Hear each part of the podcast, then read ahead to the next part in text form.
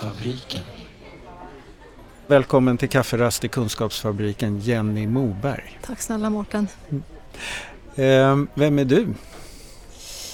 Ja, men jag är en um, men ihärdig, um, ganska noggrann, empatisk, bitvis tvångsmässig, snart 40-årig person med ett stort intresse för uh, klassisk musik, litteratur och schack som jag gärna nördar i mig. Mm. Liksom. Uh, och utanför det så är jag också socionom sedan snart tio år tillbaka och eh, doktorand i socialt arbete eh, vid Stockholms universitet sedan två och ett halvt år ganska exakt. Mm. Mm.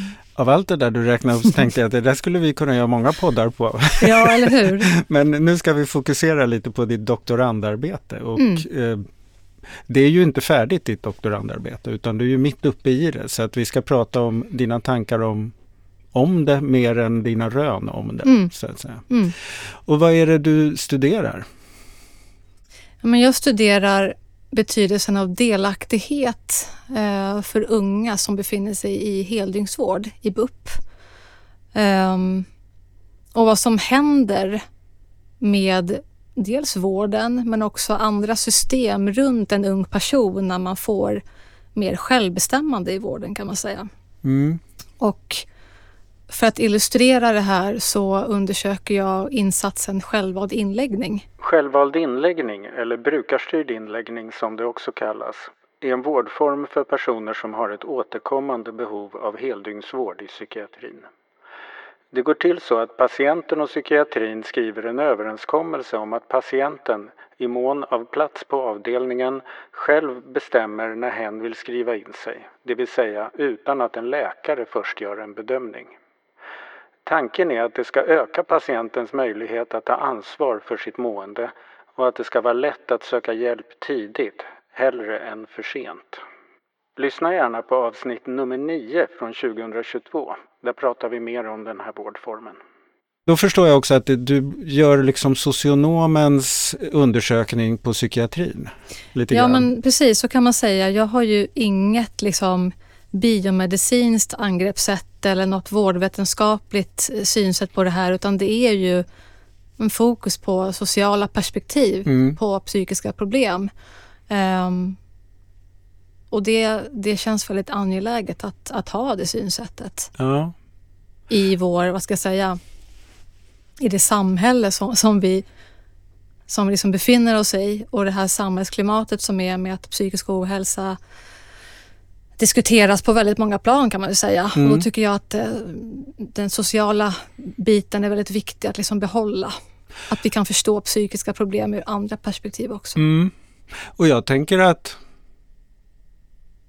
det inte bara pratas om psykisk ohälsa på olika plan, alltså den, att uppleva psykisk ohälsa sker på många plan. Mm. Uh, för jag tänker på sånt som är vanligt i våra organisationer, patient och brukare och anhöriga, så har man ju dels ibland synpunkter på vilka diagnoser som ställs och vilka behandlingar som finns som är väldigt psykiatriskt fokuserade och den kunskapen. Men lika mycket handlar det ju om det här känslan av att inte vara lyssnad på och att, eh, att det är svåra attityder kring det. Att jag kommer eh, kanske bli hjälpt av vården men efteråt vet jag inte hur jag ska leva med min erfarenhet mm. och massa sådana här saker. Så att eh, det är väl kanske som all sjukdom och ohälsa på något sätt så inverkar det på väldigt mycket. Det gör det absolut. Mm. Eh, hur kommer det sig att du har intresserat dig för, för just det här då?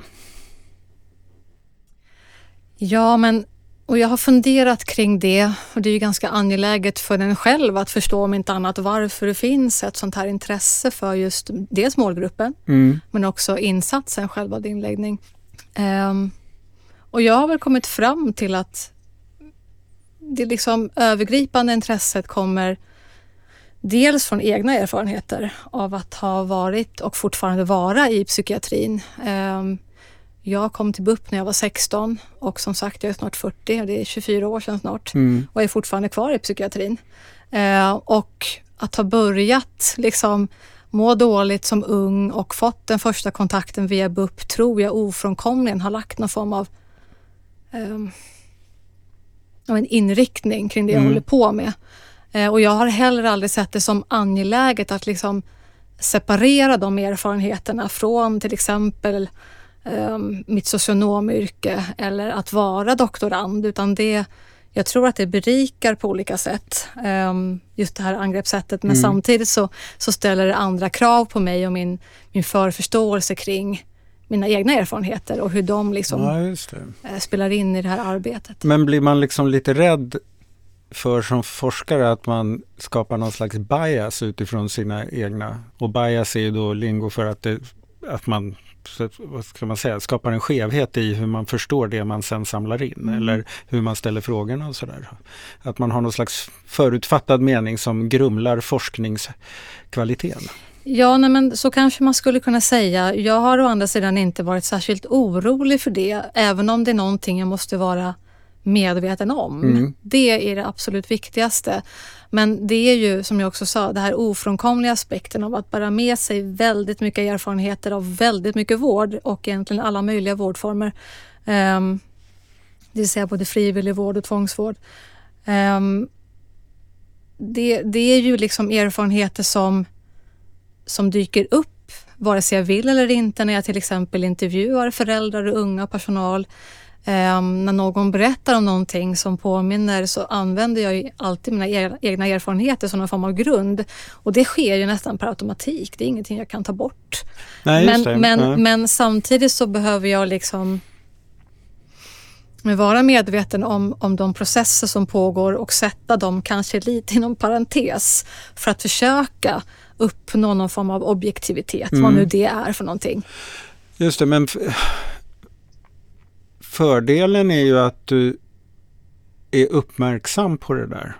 För det kan man ju föreställa sig att en forskare som inte tror att det där är ett problem kan ju råka ha massa förutfattade meningar som mm. grumlar forskningskvaliteten ändå. Mm. Eh, men tänker att eftersom jag, jag, jag, kan titta på det här nyktert och utifrån. Mm. Så att säga. Men det är inte alls säkert att man kan. Nej, men jag, jag upplever att det här, eh, att det här berikar. Um, mitt arbete på olika sätt. Mm. Det, så känns det absolut och jag, som sagt jag ser det inte som ett problem utan snarare som en tillgång. Mm. Men, men eh, som vi också sagt här nu att det krävs en medvetenhet kring vad som, vad som händer i mig själv och hur jag tolkar mitt material mm. utifrån det. Men du har också jobbat inom BUP? Det har jag, ja. precis. Jag jobbade som brukarinflytande samordnare, det vill säga BISAM, mm. i fyra års tid. Um, Precis och eh, det är ju en annan aspekt i det här att dels komma då som, då hade jag varit socionom i tre år, eh, började på BUP 2017 och att alla de erfarenheter som tidigare hade försvårat till exempel studier och arbete lyftes fram som någonting väldigt positivt. och det var ett kompetenskrav att ja. ha varit i heldygnsvård. Mm. Det tyckte jag var väldigt spännande och då hände det massa saker med mig. Mm. Att liksom få använda den här grunden som um, alltså i sitt arbete, att få ar arbeta med sina erfarenheter mm. och känna att de fick finnas. Var det också det som ledde dig vidare till att våga forska om det?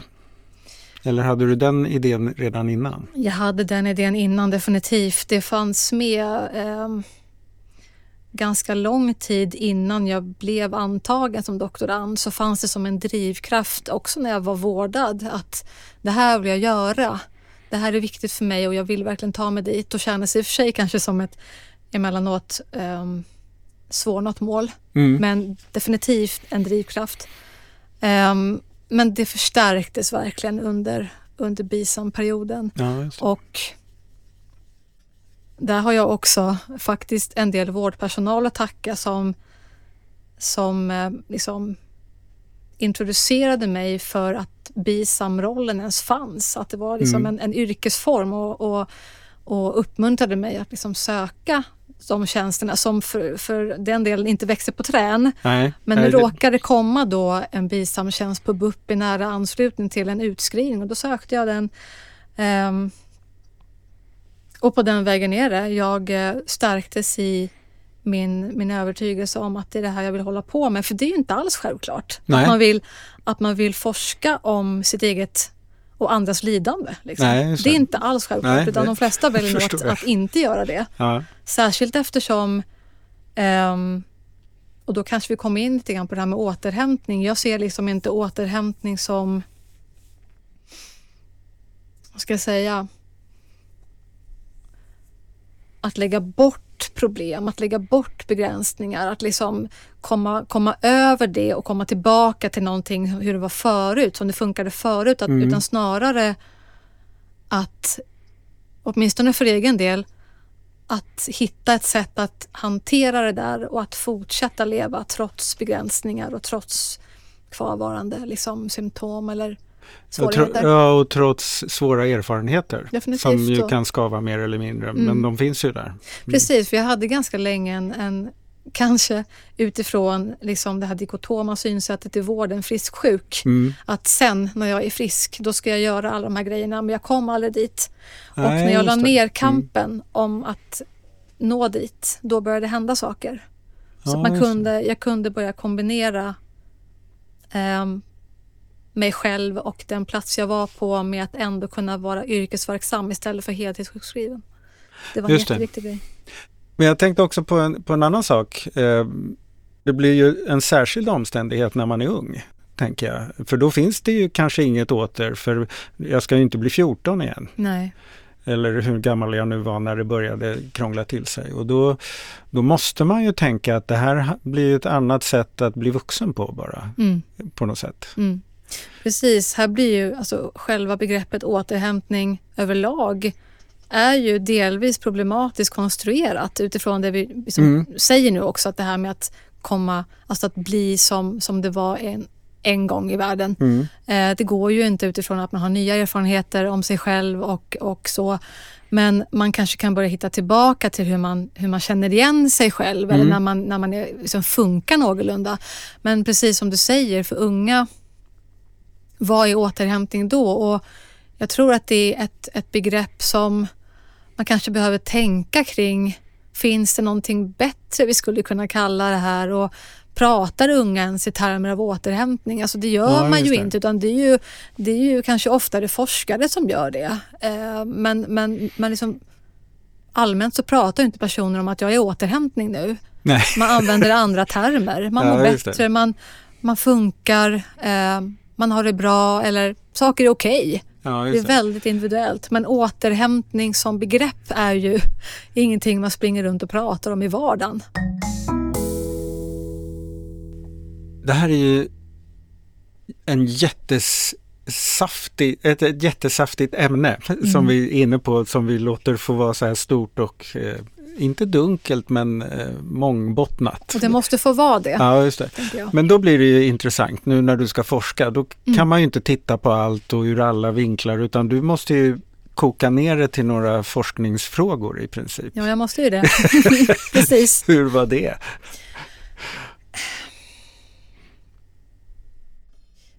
I början så hade jag en idé som har stått sig ganska väl ändå Mhm. hittills. Mm. Även om det, det har ändrat lite inriktning och liksom frågorna har spetsats till och tydliggjorts och sådär. Det är ju en del i forskningsprocessen. Det ska inte se ut exakt som det gjorde i början. Nej. För då, Nej, då tror jag att det är problematiskt. Mm. Det växer fram genom åren och genom, genom materialet man, man, man får in och tittar på. Ehm, men det är svårt Mm. att hitta ehm, träffsäkra frågor som håller på sikt och som, och som kan liksom generera ny kunskap och som, som innefattar flera målgrupper Mm. samtidigt. Mm. Ehm, Som men, det är också det, nischad och precis och generisk. Mm. men det är också ja. det som är roligt. Ja. Vad har du landat i då? Hur studierna har gått tillväga eller hur? Ja, eller i, i hur, du, hur du ska undersöka det eller vad är det du undersöker och vilka frågor ställer du? Precis, alltså den övergripande frågan som jag också nämnde här in, inledningsvis, det är ju delaktighetens betydelse i heldygnsvård Mm. för unga och om delaktighet har någon inverkan på en återhämtningsprocess från mer komplexa psykiska problem. Mm. För barnen som befinner sig i BUP ehm, är ju i BUP av en anledning så att säga. Då har man bedömts inte kunna hjälpas i första linjen och, och så Mm. vidare. Så det är den övergripande frågan. Har delaktighet någon betydelse i ungas återhämtningsprocesser från Mm. psykiska problem? Och sen är ju den där övergripande frågan liksom uppdelad i olika underfrågor kan man väl säga och understudier. Ehm, vi kommer väl osökt in på det nu lite grann, Mm. tänker jag. Att den första studien som är en scoping review, det vill säga som en översiktsstudie eh, kring det internationella kunskapsområdet kring då ungas återhämtningsprocesser. Och då har jag eh, sammanställt, tror att det handlade om 33 artiklar sammanfattningsvis kring vad återhämtning är, hur det beskrivs av både personal, eh, unga och föräldrar. Mm.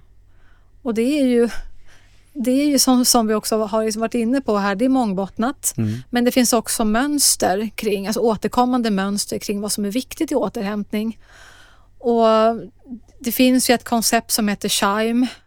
Chime är en engelsk förkortning som står för connectedness, det vill säga att känna samhörighet med andra och att vara en del av samhället. Hope, att känna hopp och optimism om framtiden.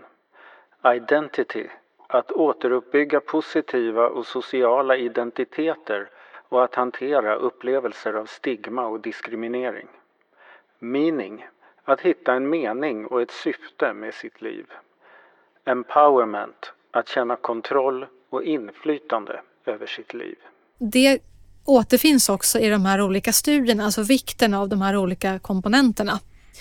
Eh, men det framkommer också vikten av att, att ungdomsanpassa återhämtning och återhämtningsinriktat arbete ehm, och att familjen ehm, blir liksom en, en viktig aspekt i ungas återhämtning. Föräldrar Ja, kan jobba för att, att stärka återhämtning. De kan också vara en anledning till att man mår dåligt som ung. Mm. Så kan det också vara.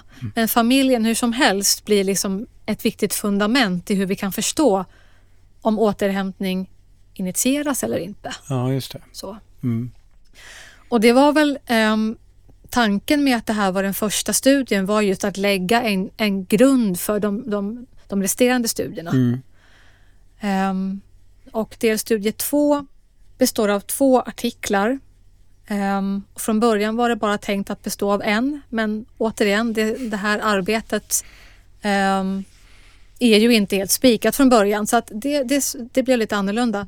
Men hur som helst så, så genomförde jag fokusgruppsintervjuer med personal i BUP. Ehm, där fokuset då handlade om att prata med dem om hur de reflekterar kring och tänker kring då sina erfarenheter av att implementera självvald inläggning. Mm. Man, man ser på självvald inläggning som en möjlighet.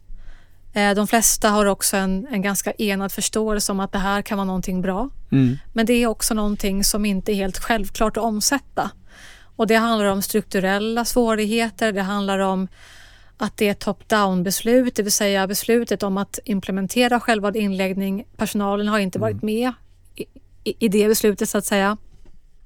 Men det är de som, som förväntas realisera det på golvet Och gillar det. och gillar det. Precis. Ehm, så att det, finns, det finns en teoretisk förståelse för vad den här metoden kan generera.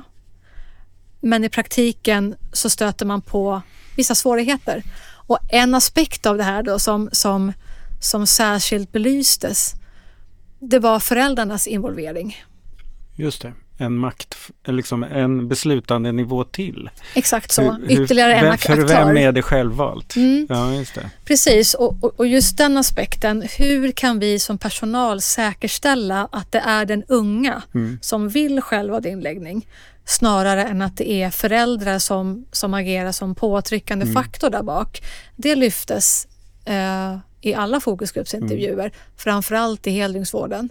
Ehm, men utifrån att det här föräldrafokuset blev så väldigt tydligt så valde jag också att den tredje artikeln fick handla om just spänningen som uppstår mellan vården och föräldrar tydligare mm. än vad jag hade tänkt från början. Ja.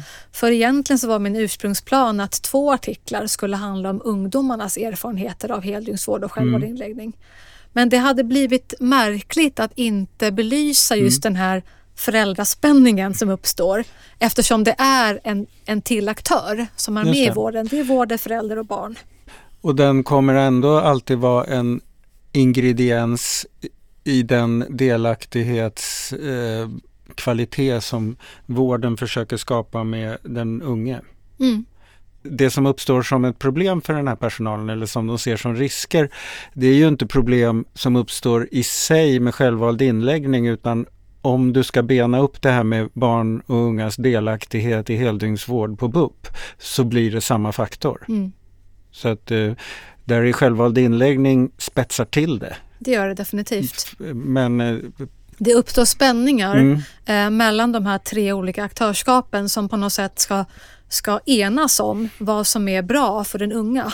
Ja, och där kan man ha väldigt olika idéer om vad som är och bra. Och de blir ännu synligare när man har en självvald inläggningssituation. Ja, mm. det gör det precis. Ja, och, och, som sagt, um, från början så var avhandlingsarbetet tänkt att, att synliggöra självvald inläggning som ett, ex, ett exempel för att öka delaktigheten mm. i heldygnsvården för unga.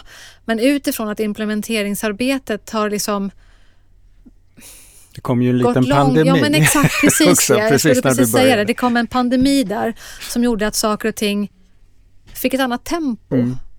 Då valde vi, jag och mina handledare, att, um, att bredda den här um, utgångspunkten till mm. att också innefatta vanlig heldygnsvård. Så att det handlar egentligen om unga som befinner sig i heldygnsvården. Eh, det är några som har erfarenhet av, av självvald inläggning också, både som ung och som förälder. Men, men i det stora hela så är det liksom vad som händer i heldygnsvården när man får ökad delaktighet. Ja, och att självvald inläggning blir som ett exempel kring mm. det här och de unga som inte har haft självvald inläggning de resonerar på ett hypotetiskt plan kring hur de tycker att den här vårdformen låter. Ja, och då kommer vi in på den fjärde ja. artikeln eh, och det är den sista delstudien. Um, och det är då en intervjustudie med både unga och föräldrar. Um, är det någon av de här parterna, eh, eh, barnen, unga eller föräldrar, som reflekterat kring den här spänningen mellan föräldrar och barn som en komplicerande faktor? Eller? Nej, inte på det sättet som personalen gjorde. Nej. Det kan jag inte påstå. Um, alla pratar om Alltså barnen och ungdomarna pratar om sina föräldrar. Mm. De finns med och föräldrarna pratar om barnen naturligtvis. ja. um, men ingen lyfter det här att det skulle antingen bli barnen eller föräldrarna. Utan ja, att det. det på något sätt är ett gemensamt beslut som mm. man tror sig skulle komma fram till. Men det är väl någonting i som barn har man väl inte börjat reflektera att föräldrarna fattar beslut åt en. Kanske i den utsträckningen som personalen tänker att det är antingen eller eller mm. sådär. Utan för dem är det ju den spänning de lever i. Mm.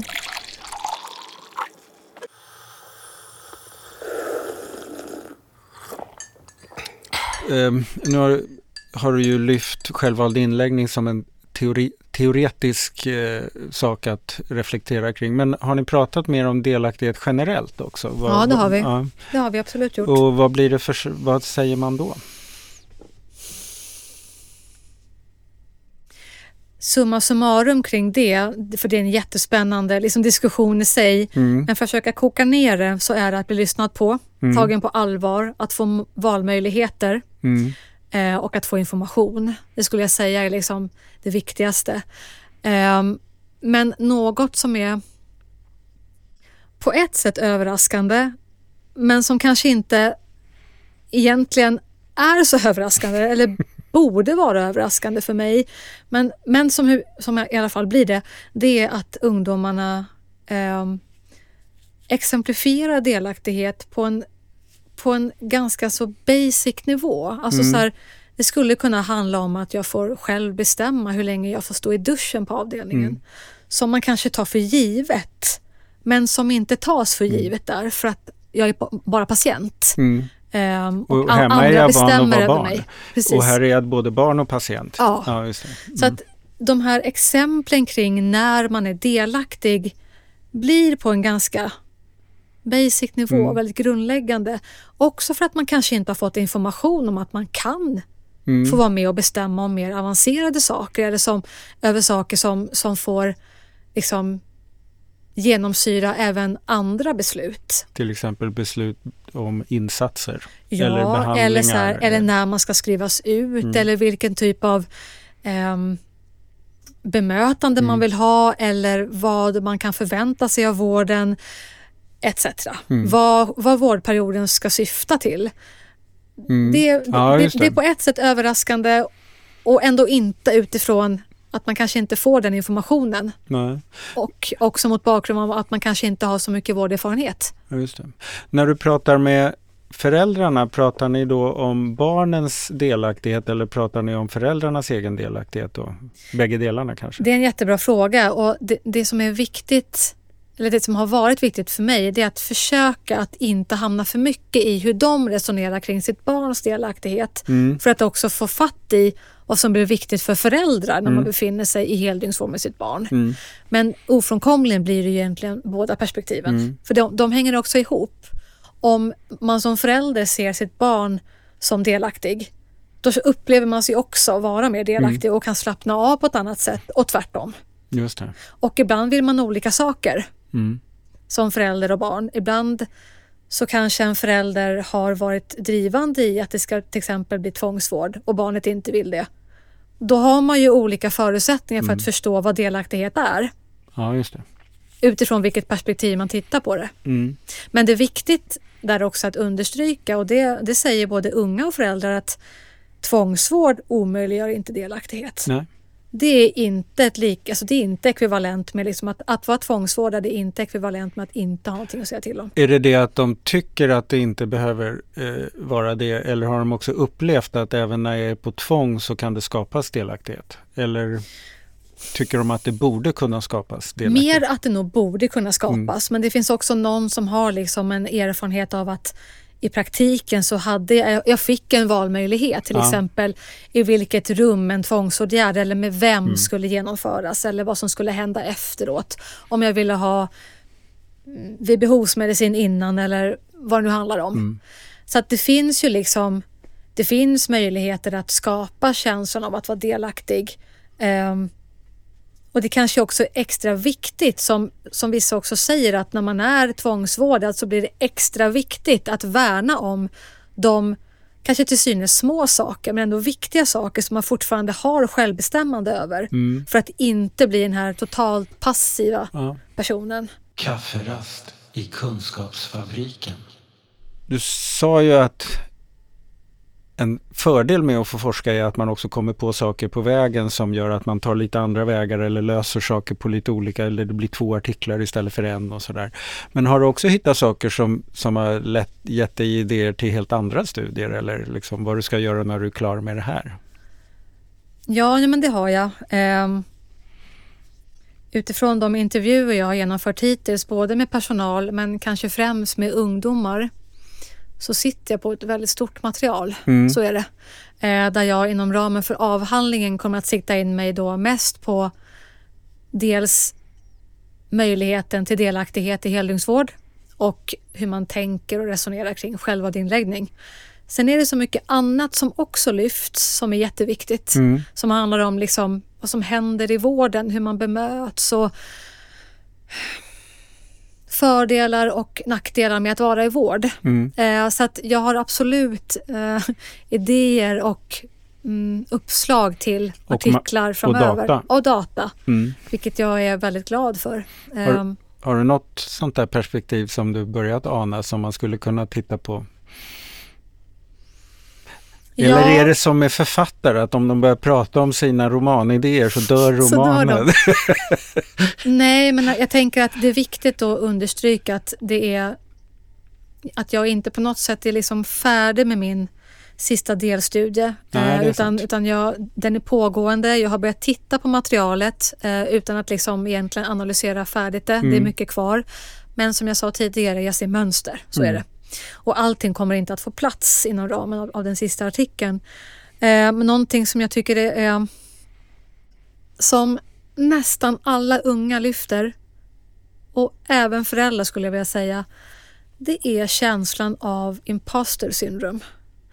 Att Mhm. vara osäker på om ens mående räcker för att få heldygnsvård.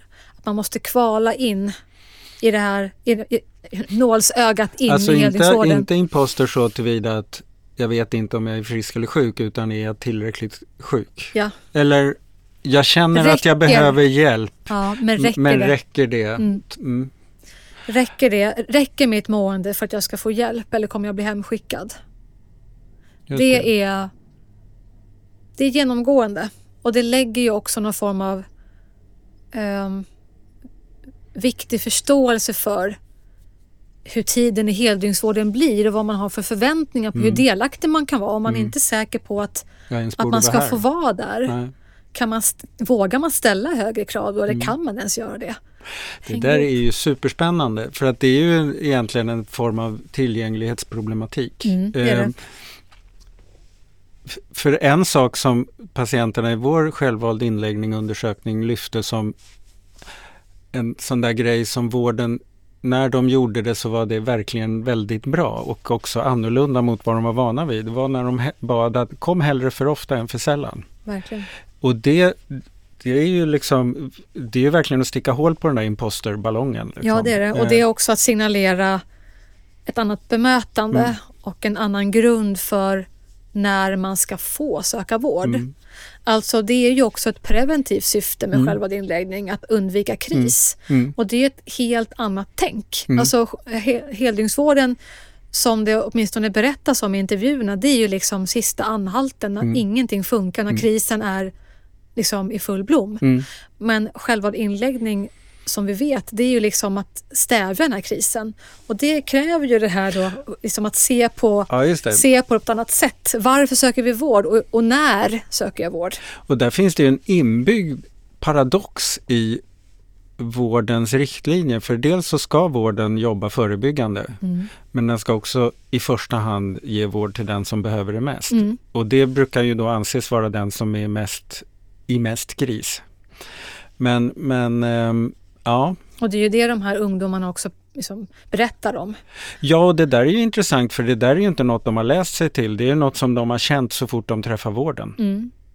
Men det, det har blivit väldigt tydligt för mig att det är ett eget tema Mm. och det är ett tema som, som verkligen är återkommande.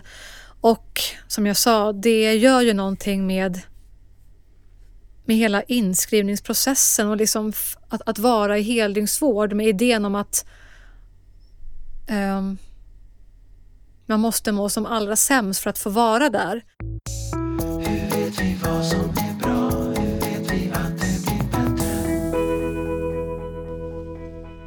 Är du hoppfull för framtiden för vården?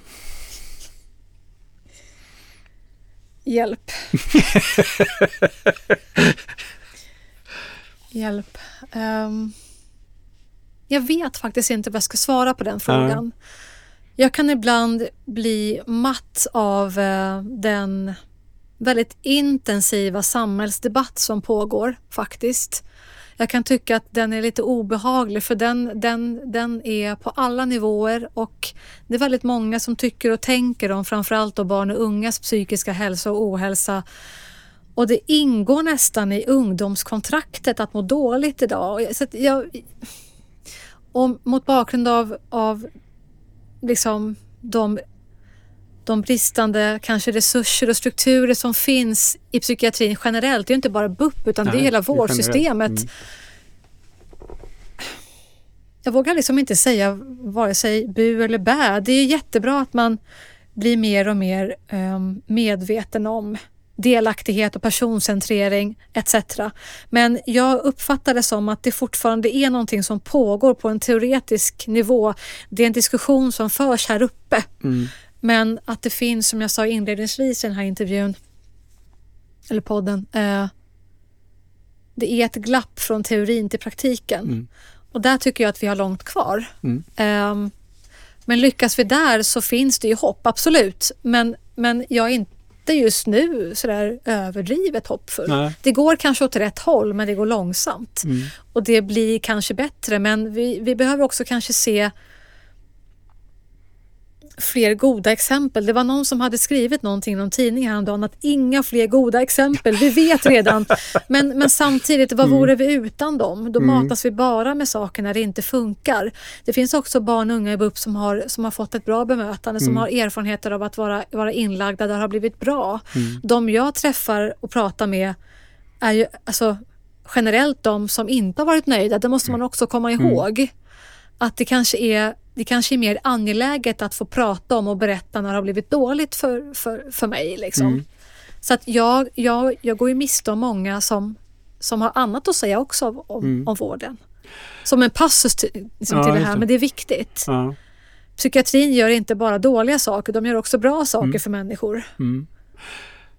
En sak som från vår självvalda inläggning-undersökning som gav mig hopp eh, var patienter som beskrev att personal som jag hade träffat många gånger i vården och tyckte väldigt illa om som sen började jobba med självvald inläggning och fick liksom hjälp att ändra den här grundinställningen till sin egen roll blev fantastisk personal. Mm.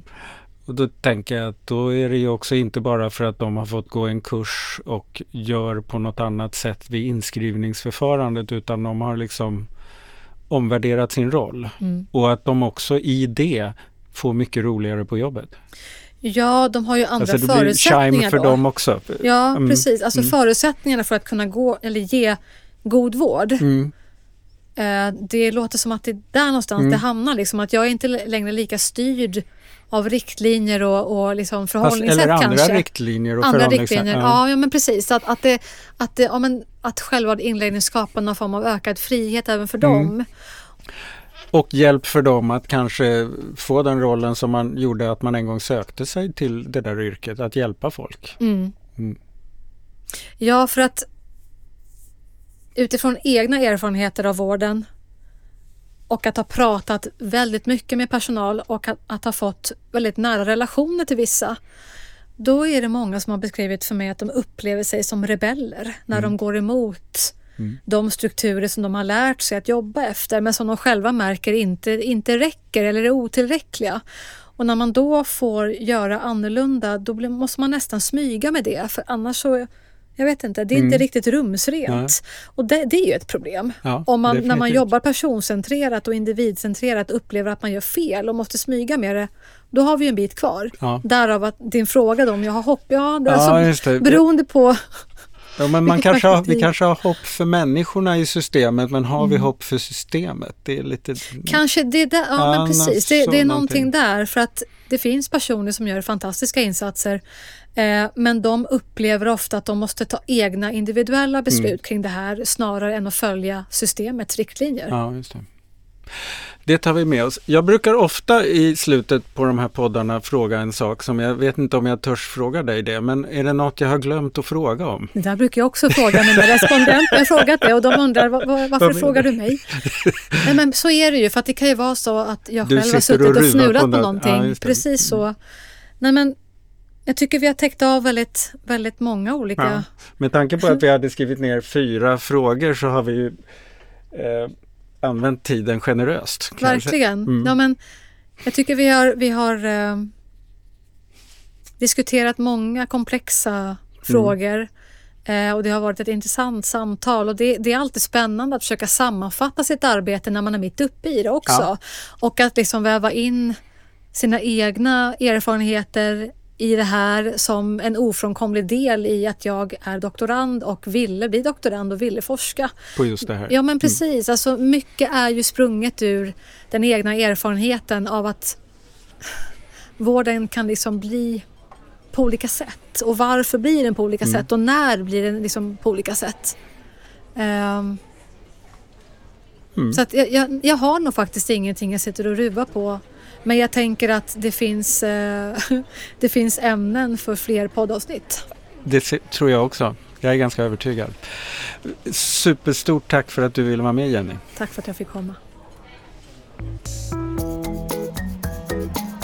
Den här podden görs av NSPH, Nationell samverkan för psykisk hälsa. Läs mer på vår hemsida www.nsph.se eller följ oss på Facebook, Kafferast i Kunskapsfabriken.